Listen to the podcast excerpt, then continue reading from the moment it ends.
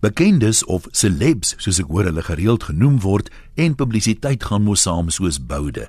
Van hulle sê selfs enige publisiteit is goeie publisiteit. Dis natuurlik totale onsin. Vra iemand wat al valslik in die media beskuldig is van rasisme of kinderpornografie. Ook talle bekendes wat aanvanklik gewillige bedmaats met die media was, draai later kroon as dit ware en kla steen en been oor die gebrek aan privaatheid wat die media se soeke na sensasie veroorsaak. As die media egter 'n wannabe celeb as 'n nuwe sensasie bestempel, is dit natuurlik 'n ander saak. Daar is egter iets waaroor ek wonder. 'n Tweesnydende swaard wat celebs kan seermaak sonder dat hulle dit skynbaar besef. En dit is realiteits-TV. Dit het natuurlik niks uit te waai met realiteit nie, wat dalk verklaar hoekom so baie celebs aanklank vind by die kunsmatigheid daarvan. 'n Hele reeks programme word gemaak oor byvoorbeeld 'n bekende sangeres wat haar troue beplan, 'n gewese aktrise wat haar eerste baba grootmaak of 'n singende pa en sy seuns.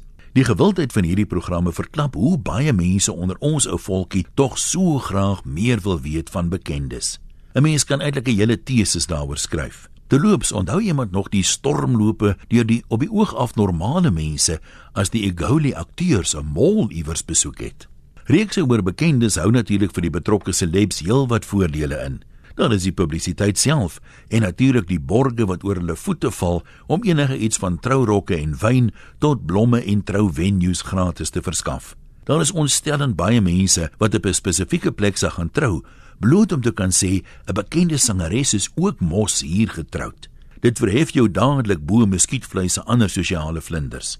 Ons het almal onbewuslike beeld van bekendes, maar dis 'n oop vraag of TV-reekse daai beeld poets of vlek. Deur die loop van die reeks leer ken jy die celeb beter, dikwels in onbewaakte oomblikke. Die kamera kuier in hulle huise en jy kan eerstehands ervaar dat geld nie goeie smaak kan koop nie. Sommige celebs probeer hard om alledaags oor te kom, Maar dan is die kyker weer teleurgestel oor hoe slonserig sy en haar gunsteling afgeremde truitjie lyk terwyl sy haar oggendkoffie drink. Ander word weer van bo tot onder gegrimeer en gestileer net om die baba se doeke om te ruil. Dan sê baie mammas weer: "Ek wil nog sien wie lyk so na 'n nag met 'n huilende koliek baba." Soms hoor mense se lebs dinge kwytraak wat maar kwai kom en klink. Ander kere is dit duidelik dat hulle regtig nie veel tussen die ore het nie en gereeld verbaas een se onkunde en naïwiteit te mens.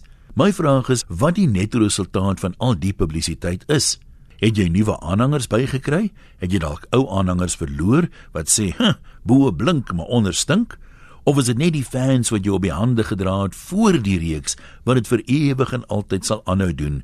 Maak nie saak wat jy doen nie. Die publiek kan maar wreed en verneig wees. Is die celebs na die reeks bly hulle dit gedoen of soms spyt? Dalk is dit 'n onregverdige vraag. Dalk moet 'n mens eerder vra of enige mens in staat is om homself objektief te beoordeel. Dit lyk nie so nie. Groete van episode tot episode. Antoniem